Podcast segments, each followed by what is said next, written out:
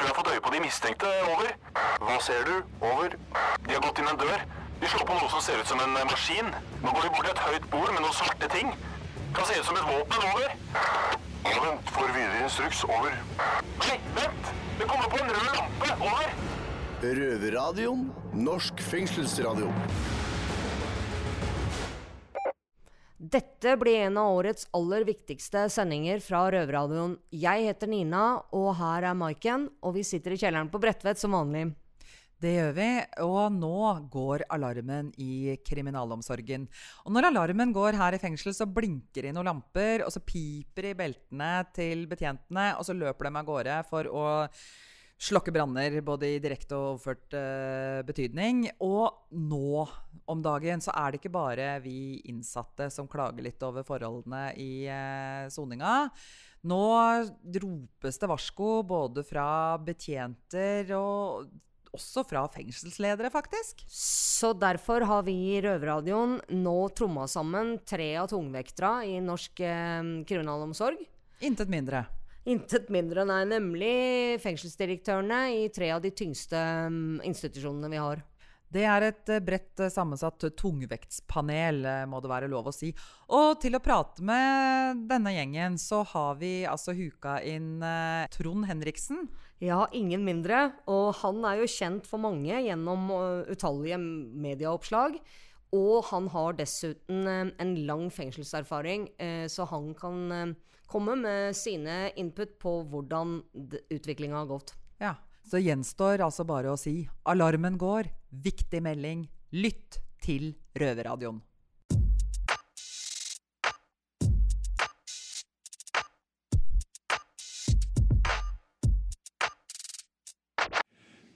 Takk til eh, røverne fra Bredtvet. Det er riktig, Jeg har vært inn og ut av fengsel svært mange ganger, og det har kostet meg over 13 år av livet bak murene. Dette har medført at jeg har vært vitne til endringene i kriminalomsorgen over tid. Og faktisk pleier jeg å si at jeg har hatt 40 års panoramautsikt til kriminalomsorgen i, i, Norge. Eh, men jeg har også fått lov å oppleve hvordan eh, norsk kriminalomsorg kan være på sitt beste. Noe som eh, var med på å hjelpe meg ut av kriminaliteten for ti år siden. Det må jeg ærlig innrømme. For I Norge så har vi en tanke om at fengsel ikke bare skal være en straff, men soninga skal også virke rehabiliterende sånn at man har en sjanse da, til å klare det streite livet etter endt soning. Norge var en gang best i klassen på kriminalomsorg, men nå ropes det fra betjenter, samarbeidspartnere og innsatte om at kriminalomsorgen som dette landet har brukt årevis på å bygge opp, er i fare. Og ikke bare det, men også at sikkerheten til innsatte og ansatte og samfunnet er i fare. Skal man tro det som blir sagt, er situasjonen meget alvorlig. Og Derfor har jeg blitt invitert hit av Røverradioen i dag for å finne ut av hvordan det egentlig står til i fengslene våre.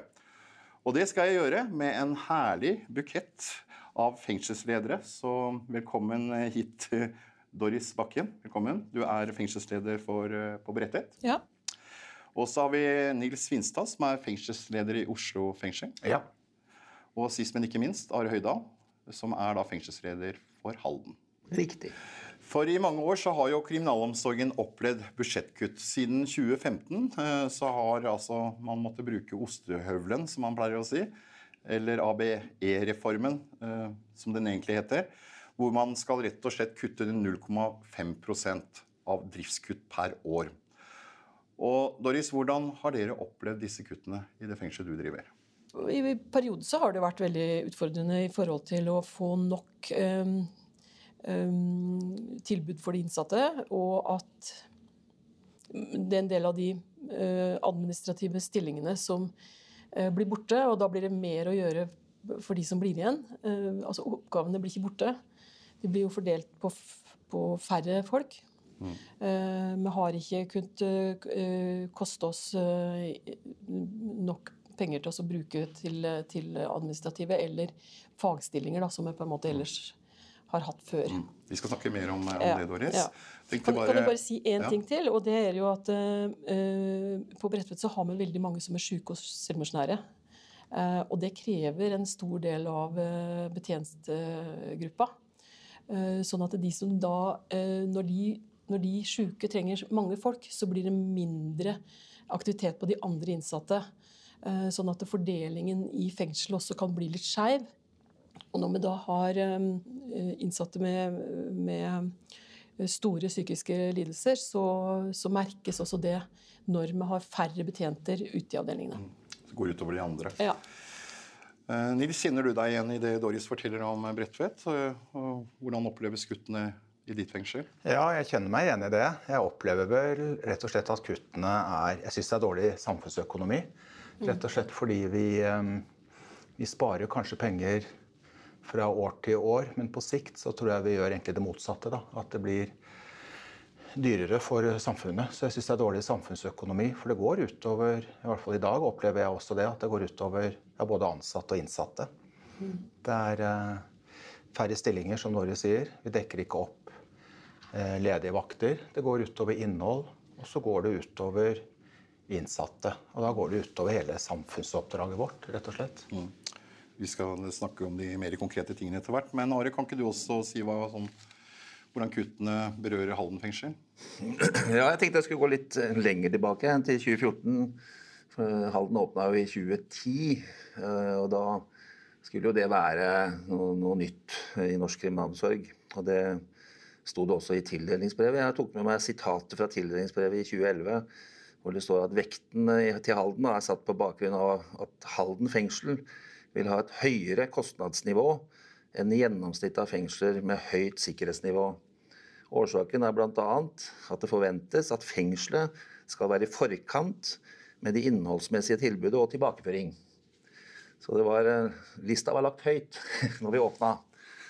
Og, så vi hadde en ekstra bevilgning allerede fra 2010 Eh, men den forsvant jo gjennom årenes løp. Eh, første gangen i 2013.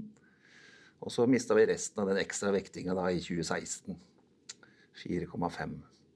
Så det har vært jevnlig kutt helt siden vi åpna Halden fengsel og fram til Også nå i 2021 da, så har det kommet en ny budsjettfordelingsmodell som vi kan komme tilbake til litt seinere. Mm, det kan vi. Eh, når du har kritisert disse kuttene, Are, så har jo ikke sjefene dine i KDI vært like enige med deg? da? Eh, de sier bl.a. at når det gjelder budsjettsituasjonen til Halden fengsel, så er det ikke riktig at fengselet er blitt utsatt for store kutt de seinere åra. Det sier altså regiondirektør for Region Øst, Stig Storvik, til avisene. Hva sier du til det? ja, nei, vi, vi, har jo fått kutt. Noe, vi, vi, har mista den vekten som vi hadde da, ekstra. Det, det, er ikke noe tvil om. Også ABE-reformen har jo alle mista, eller har jo alle blitt utsatt for. Og så er det jo selvsagt, når den nye budsjettfordelingsmodellen da, som kom nå i, i, år, så betydde det noe negativt for Halden fengsel. Det betydde veldig mye positivt for andre fengsler. Så Halden har alltid ligget litt uh, høyere på budsjettfordeling enn mange andre fengsler, fordi pga. denne historien jeg nevnte. Så den uh, nye budsjettfordelingsmodellen har slått uh, negativt ut for oss. Ja, for det og det betyr 6 ja. millioner i år. Og det er et tall eh, også Stig støtter. Ja, for det Én ting er jo hvordan kuttene påvirker den daglige driften i fengslene. Eh, men hvilke konsekvenser har disse kuttene for eh, samfunnet vårt, Doris? Altså, hensikten med å være i fengsel er jo ikke bare å være, ta, ta, straffen din, men det skal jo også gjøres et arbeid i det under den soningen. Uh, og det er liksom, Hensikten er jo at man kommer ut og kan leve et rus- og kriminalitetsfritt liv. Og Hvis man skal gjøre det, så må det gjøres en del arbeid inne i fengselet. Eh, og det må samles på en måte. Og det er fengselsbetjentenes hovedoppgave. Det å samle dette arbeidet og kartlegge og legge til rette og motivere og, og følge opp eh, sine innsatte. Um, og det eh, får et stort uh, samfunnsmessig konsekvens hvis man ikke følger opp det. Mm. Er, du, er du enig, enig i det, Nils? Ja, og jeg vil gjerne trekke fram i forlengelsen av det Doris sier, da, altså samfunnsoppdraget vårt. Det er jo Vi skal vi skal legge til rette for at straff og varetekt gjennomføres på en sikkerhetsmessig forsvarlig måte. Og så skal vi jo legge til rette for at eh, innsatte domfelte selv kan gjøre noe for å endre sitt kriminelle handlingsmønster. Og lykkes vi med det, så blir det mindre kriminalitet. Vi får alle såkalte gode naboer. Og hele samfunnet tjener jo på det. Men det krever ressurser. Altså det, det koster penger. Og så en annen ting også som jeg er veldig opptatt av, da, som jeg syns også er på en måte litt sånn samfunnsmessig ille. da. Altså Fengsel er egentlig en helt unik arena for påvirkningsarbeid, endring. For det første er innsatte der. De er jo der fysisk. De fleste i hvert fall er edru, nyktre. Og så opplever jeg at de er motiverte. Og så møter vi det med budsjettkutt og mer isolasjon og mindre innhold. og mm. Det er folkelig sagt høl i huet, altså. Det må jeg bare si. Mm. Høl i huet, Are? Er du gæren? Jeg syns det er trist å se utviklingen generelt i hele kriminalomsorgen. Eh, eh, det Oslo Economics, som er rådgiver for norsk kriminalomsorg, de sier jo at når man må ta de store grepene eh, i forhold til strukturelle grep, og ikke drive med denne ostehøvelkuttinga som går ut over absolutt alle. Og, og, nå er det jo så dårlig på alle fronter med bemanning og, og slikt at, eh, at, vi får jo ikke jobba med dynamisk sikkerhet på den måten vi gjorde før. Eh, miljøarbeidet er jo skadelidende så det holder. Det å være til stede i fellesskapet positivt for de betjentene som, som er igjen, det er vanskelig å få til. Fordi det blir en sånn eh, ren eh, rutineprega jobbhverdag. Mm. Så det er veldig skadelig.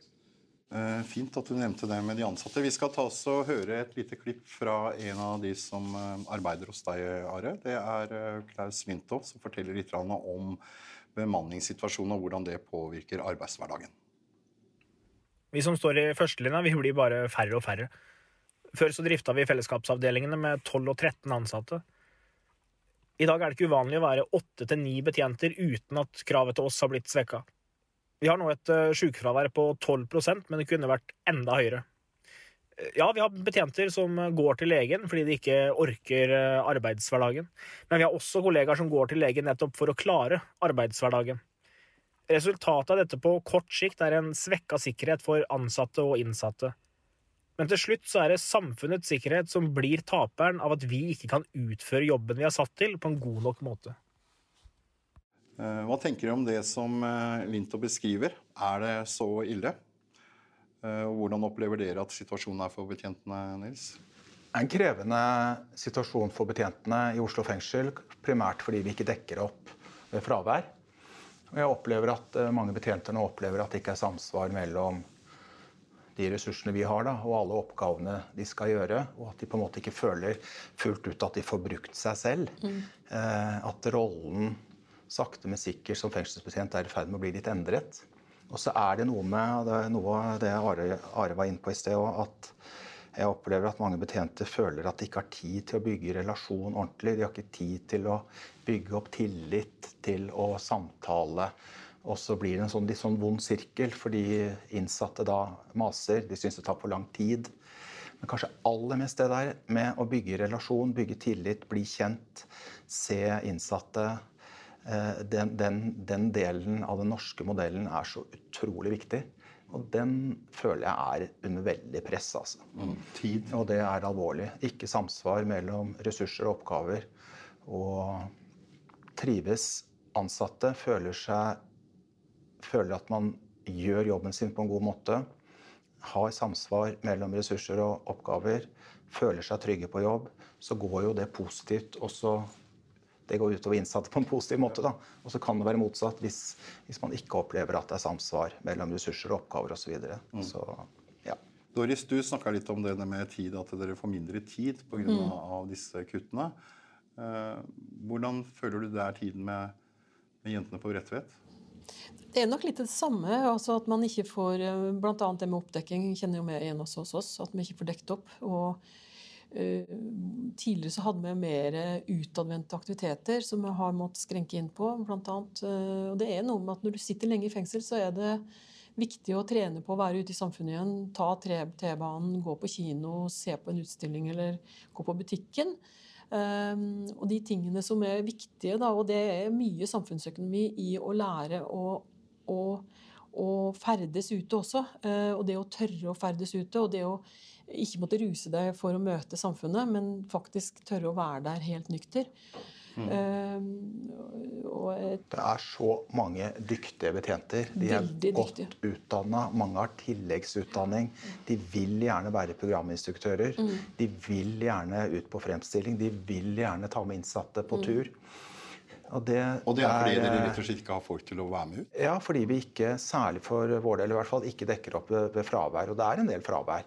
Det har vi ikke råd til å dekke opp, og da har vi hele tiden såkalt minimumsbemanning. Minimumsbemanning gjør at jeg mener at vi gjennomfører straff og varetekt på en sikkerhetsmessig forsvarlig måte, men det blir for mye oppbevaring. Så kommer jeg litt inn på etterpå at det er veldig mye som er bra nå. Ja, vi- men det vi er skal for mye oppbevaring. Det er for Ja. mye innlåsning. Men vi, vi skal være litt på, litt på betjentenes side her. For det med sikkerhet overfor de ansatte, eh, er den, føler du den er mer truare eh, med disse kuttene? Ja, jeg begynte jo sjøl i etaten i, på 80-tallet og jobba da som ekstrabetjent i Oslo kretsfengsel. Eh, Da var jeg ansatt som vokter. Altså jeg skulle bare passe på. Jeg skulle ikke involvere meg i de innsatte. Så kom jo da hele denne endringsprosessen på 90-tallet med kontaktbetjentordning, programvirksomhet og alt disse tiltakene. Altså man, man, hele kriminalomsorgen ble totalt endra. Og det har vi holdt på med nå. Men jeg føler faktisk at vi er litt på vei tilbake til 80-tallet. eh, hvor, hvor det er så skrapa og gjennom fra 2014 og fram til i dag på, på ressurser. Slik at vi, vi nærmer oss litt vokterrollen igjen, rett og slett. At det er den derre som Norge er kjent for, da. Dynamisk sikkerhet. Det er det utlendingen vil høre om. Den, den blir veldig skadelidende.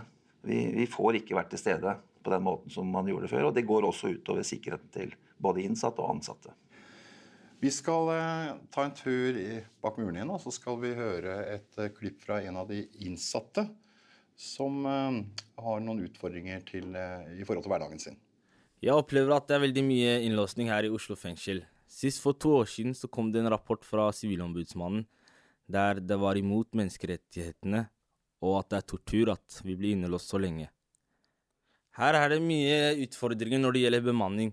Eksempel hvis det skjer en liten hendelse i en avdeling, så må alle andre låses inn fordi de trenger betjenter der. Jeg har hørt at det har blitt forbedringer siden eh, Nils eh, tok over som eh, fengselsleder.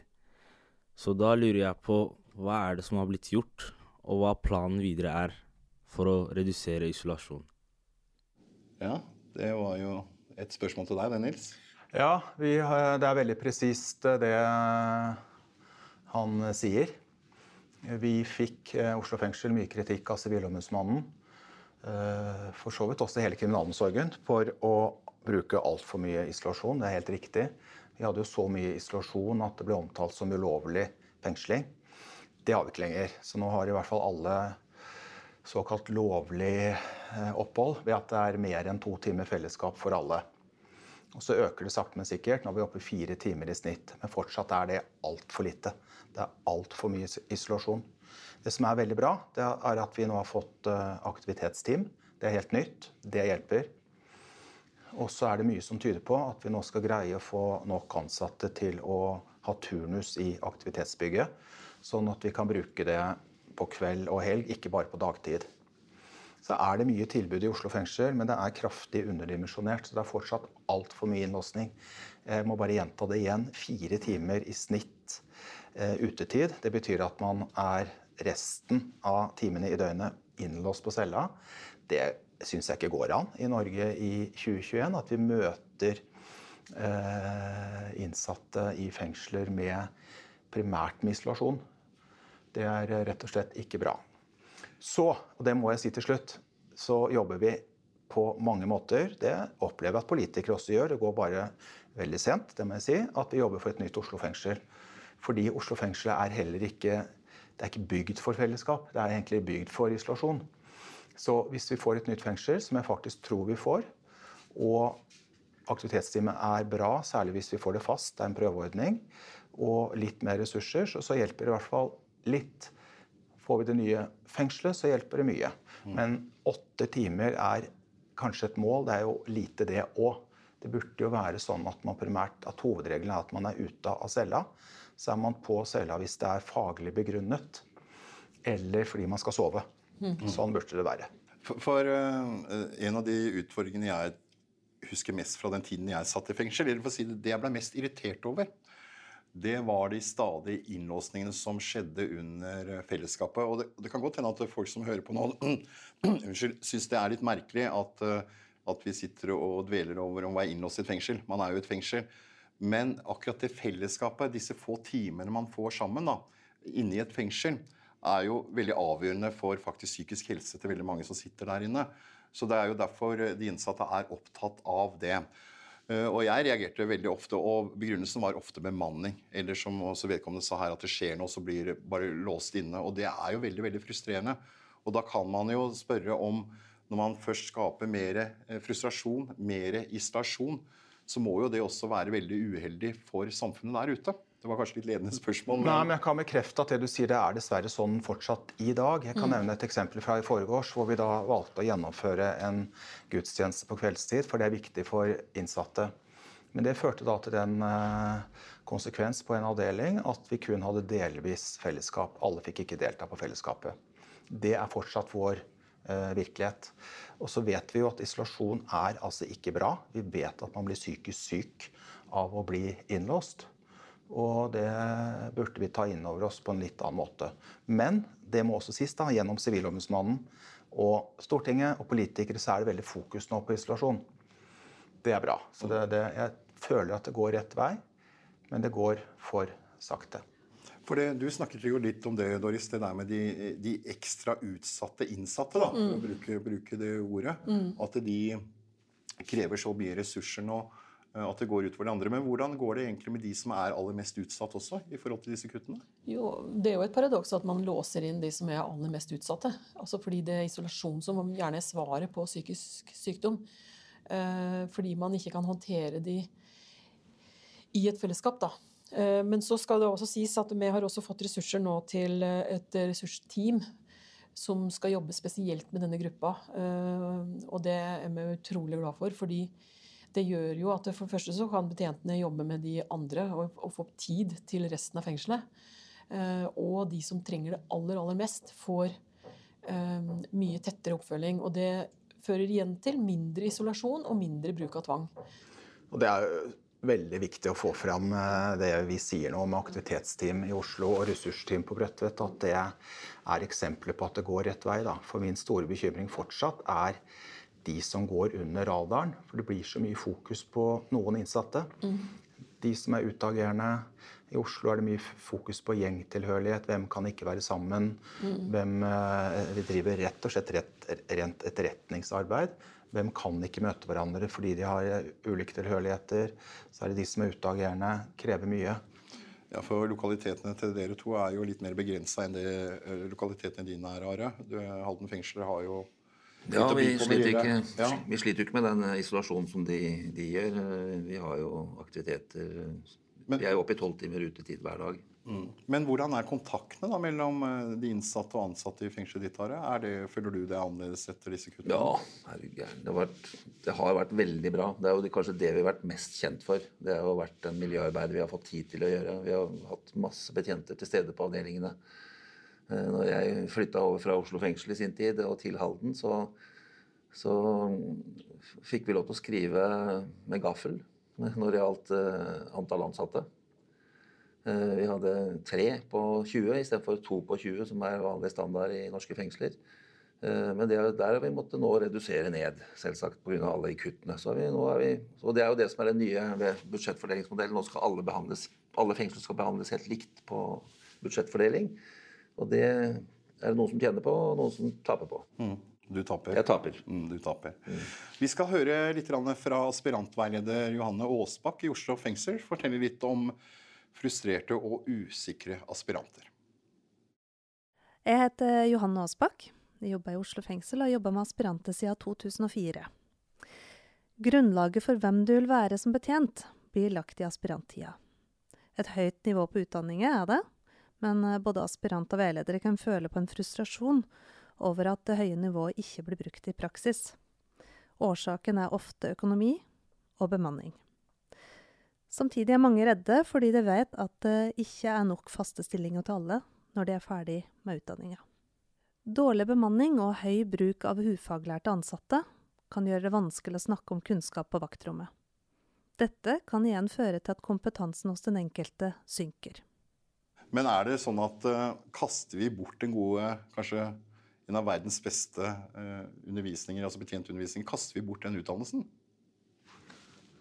Jeg vil svare nei på det, fordi uh, den har fengselsbetjentutdanningen i Norge har veldig mye bra i seg. Det er så stor bredde i fagene og bl.a. mye fokus, fokus på ja, profesjonen som fengselsbetjent, på f.eks.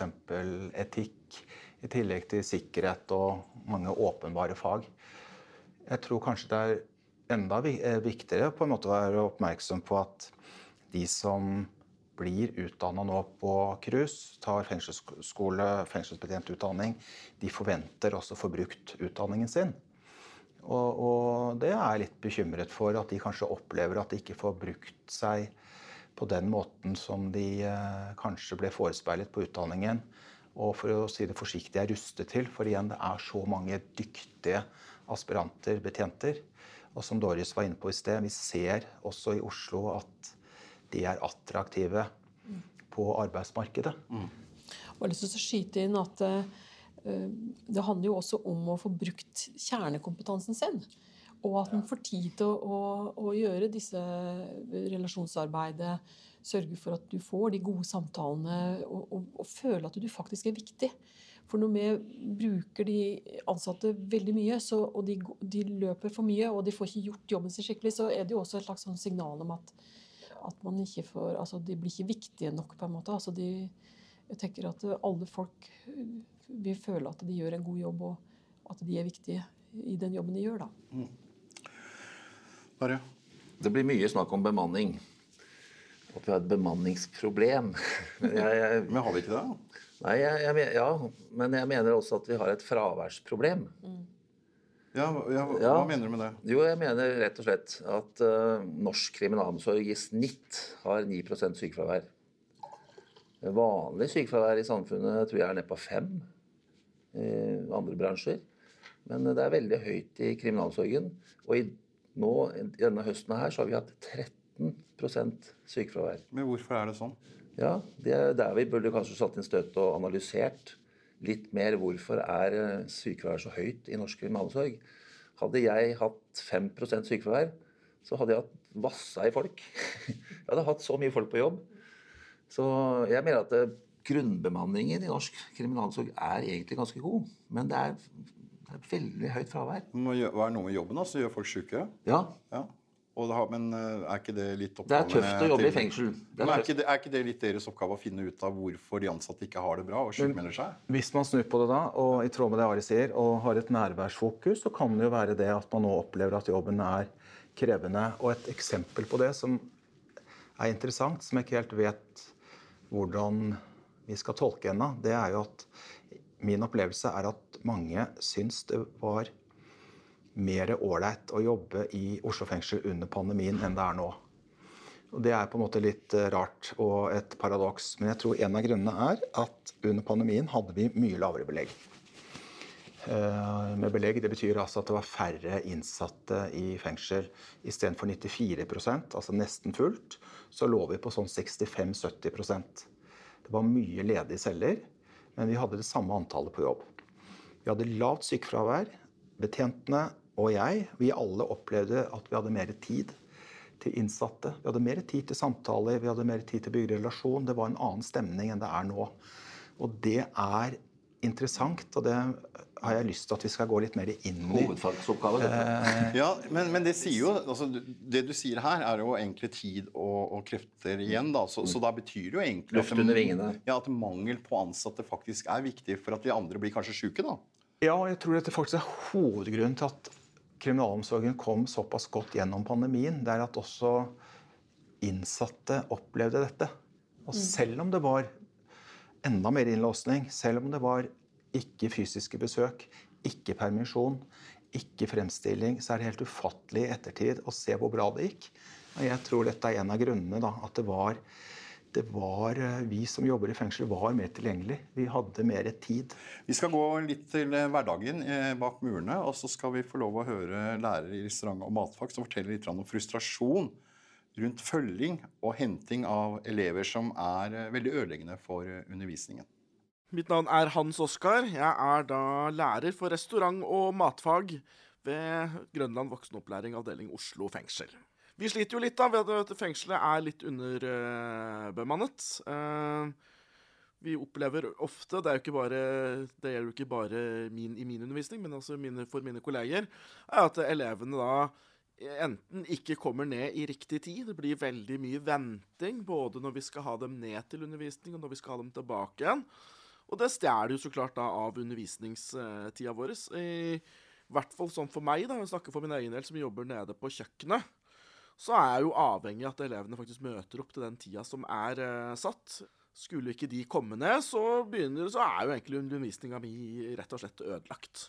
Og da kan man også risikere å komme opp i gangen her og stå og vente, og så kommer det ingen og henter dem tilbake. Og da må, må vi kanskje bare vente til, til fengselet er klart å ta dem tilbake igjen, da. Jeg vil si at størsteparten av tida så går det her det, det, går jo, det går jo greit, men det er jo den ansamlinga av uh, ganske stor menneskegruppe på et lite areal over ganske lang tid som er, kan være problematisk. Og, og, skulle det skje noe, så er vi jo aleine. Vi har jo ikke noe betjent med oss. Vi er jo bare lærere. Det er jo ingen av oss som er eh, trent i å uh, som, som, fangevoktere. Vi er jo norsklærere og engelsklærere og restaurant- og matfag- og frisørlærere. Vi er jo ikke vi er jo ikke trent for å mm. Ja, og vi kan jo ikke ta ansvaret for sikkerheten for, uh, for elevene. Det ligger jo ikke under vår, uh, vår, oppgave. Hvorfor er det så vanskelig å følge folk rundt, da? Siden det var Grønlands voksenopplæring, så tenker jeg det er vel eh, litt innenfor uh, Doris Nils sitt område? Det er jo bygningsmessige årsaker og bemanningsmessige årsaker til at dette er krevende. Og Samtidig så tror jeg nesten ingen skjønner hvor krevende dette er i et fengsel å på en måte legge den kabalen med hvem som skal hvor. og Vi, vi har altfor mye følging, egentlig, men igjen, det er bygningsmessige og bemanningsmessige grunner. Det, jeg tror også at innsatte selv opplever det som ganske ugreit, på en måte, at man må følges hele tiden. Så skjønner jeg den frustrasjonen som GVO kommer med. Vi gjør så godt vi kan. Men dette handler jo også om mangel på ressurser, altså samsvar mellom ressurser og oppgaver. da. Are, du som har sånn eh, fint og flott eh, fengsel, du også får vel kritikk innimellom at det går litt treigt uh, hos deg? Dette med følging, det er jo, det er jo en uh, fantastisk greie. Fordi vi er jo verdensmestere i følginger. Vi har et så stort område. Veldig stort uteområde.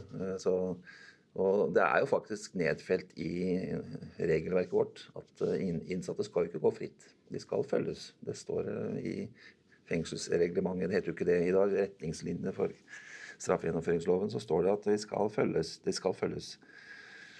Det var en innsatt eh, som vi snakka med, som har blitt overført til, til Bastøy fengsel, som, hvor vi spurte ja, hva, hva, er ditt, hvis, hvis, du som hadde sittet i Halden, da, hva er ditt beste råd til Halden fengsel? Eh, når du har kommet nå til Bastøy.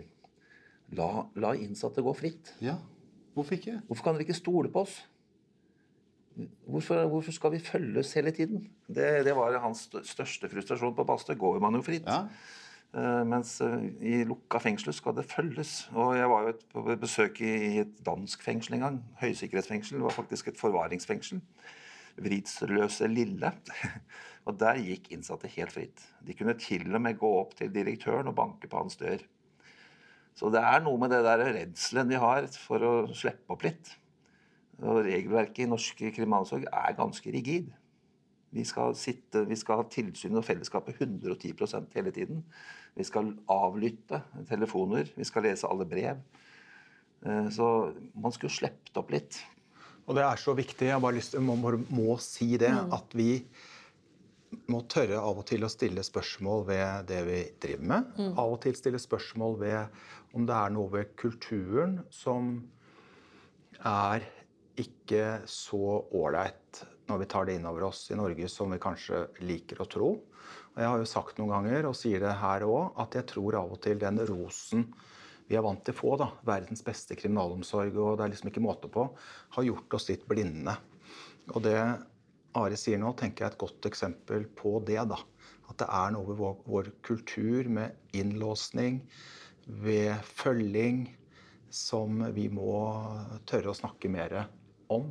Jeg har lyst til å bare skyte inn også, fordi det handler om tillit og mistillit. Vi snakker hele tiden om tillit.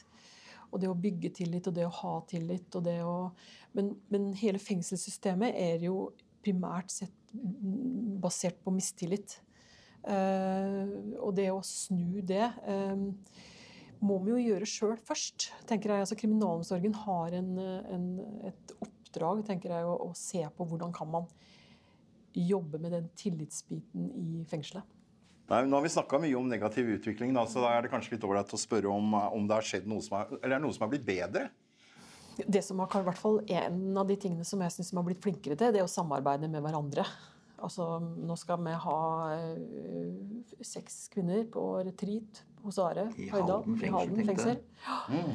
Vi jobber, og særlig Oslo og Bredtvet, jobber jo tett på mange ting. Smått og stort, tror jeg. Eh, Så har vi blitt mye mer åpne. Mye altså, mer Vi er en mye mer åpen etat. Det, altså, Røverradioen er et eksempel på det. Ja, eksempel. Eh, Jeg opplever at vi har et direktorat som også er eh, eh, Vi er ikke noe bekymra for å sitte her for eksempel, og snakke om kriminalomsorgen. Det er kanskje, litt, kanskje vi hadde vært litt mer bekymra for noen år siden. Det syns jeg er bra. Så jeg har lyst til å ha en liten sånn liste. Ja, så kanskje Doris og, og Arve kommenterer kommentere den. For det er på innholdssiden har det skjedd masse. altså. F.eks. Nav i fengsel, som tilbyr noe som heter arbeidsmarkedskurs. Eh, som er yrkesrettede kurs, AMO-kurs, hvor man får kompetansebevis. Oslo fengsel, Bredtvet fengsel, vi er lærlingbedrifter på frisør. Eh, Jeg var på togkonferanse i går. Det er tiltak overfor gjengangere som nå utvides kraftig. Vi har eh, fått aktivitetsteam. vi har fått ressursteam. Ila har fått forsterket fellesskapsavdeling. Vi har eh, mer mangfold i kriminalomsorgen. Samarbeider eh, bedre, mener jeg, med andre trossamfunn f.eks. Vi har mer behandling, blitt mye bedre innen rusomsorg. Jeg syns det er store utfordringer fortsatt, ikke minst innen psykiatri. Men vi har, vi har fått uh, rusmestringsenheter, f.eks. Uh, vi har et helt annet fokus på og kunnskap om å forebygge selvskading og selvmord i norske fengsler. Og listen er faktisk ganske lang. Og det syns jeg er viktig å få fram, da, nyansen her. Mm. Og du snakker nå om Oslo, det som heter Oslo kretsfengsel en gang til? Jeg snakker om Oslo fengsel, Ja. men jeg føler også at jeg snakker mye av dette jeg har sagt nå, gjelder hele kriminalomsorgen. Ja. Men eh, er du enig i, i det Nils sier? At det er eh, Jeg kan skrive under på alt han sier, og vi har jo Vi, vi i Halden har jo stort sett det alt han lister opp. Eh, Vi har jo lære, masse lærebedrifter inn- inne i fengselet. Så at vi har um, fortsatt mye godt innhold. Jeg prøvde å si det innledningsvis òg i dag. At det er ikke helt svart. Vi, vi har fortsatt et men, men er dere redd for å miste alt det finner dere har bygd opp? da? Er det det på en måte som ligger litt i kortene her? For det er vel den faren som er, Hvis dere skal kutte og kutte framover nå med de samme beløpene, så er jo det er vel det, er Ja. det, det som er den største frykten? At det, Ja, det, alt- ja. ja, det er en bekymring. fordi for eksempel disse Nav-kursene, som er helt fantastiske, Mm. de krever bemanning også fra vår side. Vi må ha vakthold. Fordi det er jo viktig at et kurs foregår på en sikkerhetsmessig forsvarlig måte. Så det er en bekymring med en minusbemanning, og at vi da eventuelt ikke får dekket opp ved, ved fravær pga. økonomi. Så kan det da være at et kurs må avlyses. Så det er absolutt en bekymring. Og så er det, når jeg da nevner lister opp eh, mye som foregår i norske fengsler nå som er veldig bra, så er det igjen det som jeg kanskje har sagt før om, det er underdimensjonert. Det er eh, fortsatt altfor mange som er innlåst altfor lenge. Mm. Men menyen av tilbud nå er fra mitt, fra mitt ståsted på mange måter bedre enn noen gang. Men det er altfor lite, det er underdimensjonert. Og det store bildet fortsatt er at det er for mye innlåsning i Oslo fengsel. Hvor bekymra er du for den utviklingen her i kriminalsorgen? Jeg er bekymra hvis det fortsetter. Man, man må slutte med disse ostehøvelkuttene nå. Nå er det nok. Vi er ferdig avbyråkratisert. Det fins ikke mer å hente på avbyråkratisering av norsk kriminalomsorg. Nå går det utover bemanningen på gulvet, og det ser vi allerede i dag. Eh, Vi har måttet stenge besøkshuset ut året pga. at vi ikke har folk til å holde det gående. Vi har eh, programvirksomheten, som sagt, jeg nevnt flere ganger. Besøksavdelingen er stengt hver mandag nå. Vi har hatt et veldig bra tilbud der. Nå må vi stenge besøk, og det går utover pårørende. Så hvis det fortsetter, så er jeg veldig bekymra. Du høres nesten litt irritert ut. Ja. ja. Du er forbanna litt, du. Men det er håp for framtiden. Det er håp for framtida. Det er bra, for da kan du kanskje starte med å si hva er det du ønsker da å si til den kommende regjering, da? Ja, vi har nå blitt uh, kutta i så mange år at nå, det, nå, nå, bør man si nå er det nok. Og så bør man heller putte på litt. Uh, jeg har jo registrert at uh, de som nå sitter i maktposisjon, har sagt at de vil løfte kriminalomsorgen. Det har de faktisk uttalt i valgkampen. Jeg har tatt vare på alle uttalelsene. Eh, til og med programvirksomheten skal tilbake til norske fengsler. Eh, så jeg har store forventninger. Og så har vi laga en veldig god plattform i norsk kriminalomsorg nå. Jeg har et veldig fint dokument foran meg her nå som heter 'Virksomhetsstrategi for kriminalomsorgen'. Fantastisk dokument med fantastiske visjoner, fantastiske ambisjoner. Så dette dokumentet må vi få penger til å, til å implementere. Det er jo det som er mitt eh, budskap til politikerne. Dette dokumentet legger en fantastisk grunnlag for en fantastisk fortsatt kriminalomsorg. Ja. Og i det Are sier, der ligger det en misjon som heter 'straff som endrer'. Mm. Og da er det altså god samfunnsøkonomi i å satse på kriminalomsorgen. Motsatt, det er veldig dårlig samfunnsøkonomi å bygge kriminalomsorgen ned. Det må være samsvar mellom ressurser og oppgaver. Vi må få Altså, vi må bli satt i stand til å utføre vårt samfunnsoppdrag. Det er å oppfylle denne visjonen som er veldig god. Straff som endrer. Og så har vi tre verdier. Det er trygghet, nytenkning og åpenhet. Og trygghet, for å fremheve den, da, det koster. Trygghet for ansatte, trygghet for innsatte, trygghet for samfunnet. Det krever ressurser. Og igjen, hvis man ser det, at det er god samfunnsøkonomi i å satse på kriminalomsorgen, så tenker jeg at man på vegne av Norge som samfunn gjør kloke valg. Nå henvender jeg meg på en måte til kanskje særlig til politikere. Jeg syns at uh, mitt krav, forventning til ny regjering, er at de holder de løftene de har kommet med. Uh, da er det grunn til å være optimistisk. Så jeg er litt pessimistisk òg, fordi jeg syns det går fryktelig sakte. Og jeg er ikke helt sikker på om politikere fullt ut forstår alvoret når det gjelder at vi i hvert fall i mange fengsler i Norge, om det ikke gjelder Halden, så gjelder det i hvert fall Bredtvet og, og Oslo, at vi har altfor mye isolasjon. Men hvis politikere holder løftene sine nå, ny regjering, så er det grunn til å være litt optimistisk.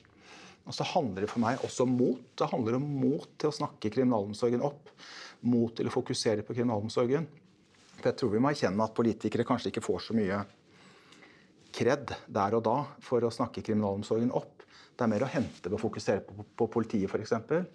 Og så skal det lite til at det blir skuffa nå, rett og slett fordi nye regjering har vært så tydelig på at de skal løfte kriminalomsorgen. Så jeg har store forventninger. Eh, ethvert eh, samfunn får den kriminaliteten fortjener, sa Nils Christ en gang. Ligger det litt i, i kortene nå at hvis ikke politikere gjør det, så må vi betale en stor pris? Ja, jeg tenker at uh, Nils Kristi har helt rett i det. Man sier jo at kriminalomsorgen er et vindu på hva slags samfunn man har. Og at god kriminalomsorg er et, et, tegn på at man har en et fokus på enkeltindividet, og at det faktisk ikke, altså det er ikke verdt det at folk skal leve så elendig og, og dårlig at man uh, kanskje må ty til kriminalitet og, og, og, rus. Samtidig så tenker jeg også det at uh, når man først har gjort noe da, som man skal straffes for, og får den straffen man uh, skal ha i domstolen, så skal det være mulig å kunne rehabiliteres på en slik en måte at man kommer ut og kan fortsette livet sitt på en god måte. Du, det var en veldig strålende avslutning, Doris. Det må jeg få lov å si. Jeg vet at dere har lyst til å, Vi kunne sikkert holdt på flere timer her. Det var veldig interessant å få lov å sitte her sammen med dere. Jeg eh, håper også folk der ute blir klokere av det og ser viktigheten av å ha en veldig god og sunn kriminalomsorg. Eh, helt til slutt, har du lyst til å lese opp dette her, eh, Doris? Røverradioen kan du høre om en uke på NRK P2 søndag klokken 20.30. Det var nydelig. Og så skal vi ta neste, og det er hvem er det som skal ta den setningen der? Det er du, Are. Kan du lese? Eller så kan du høre på Røverradioen når og hvor du vil, på podkast der du finner podkast. Og det er litt rart at Are fikk den som ikke aldri hører på podkast, men det får være så. Og så er det Nils til slutt, da. Med mindre du sitter i fengsel, da kan du høre på Røverradioen på Infokanalen. Ha Det vært stille fra over en time. Hva skjer? Over. Det er bare et radioprogram. Det er lettere å høre på dem der. Over. Ja, vet du når det går, da? Over. Det er samme tid og samme sted neste uke. Over.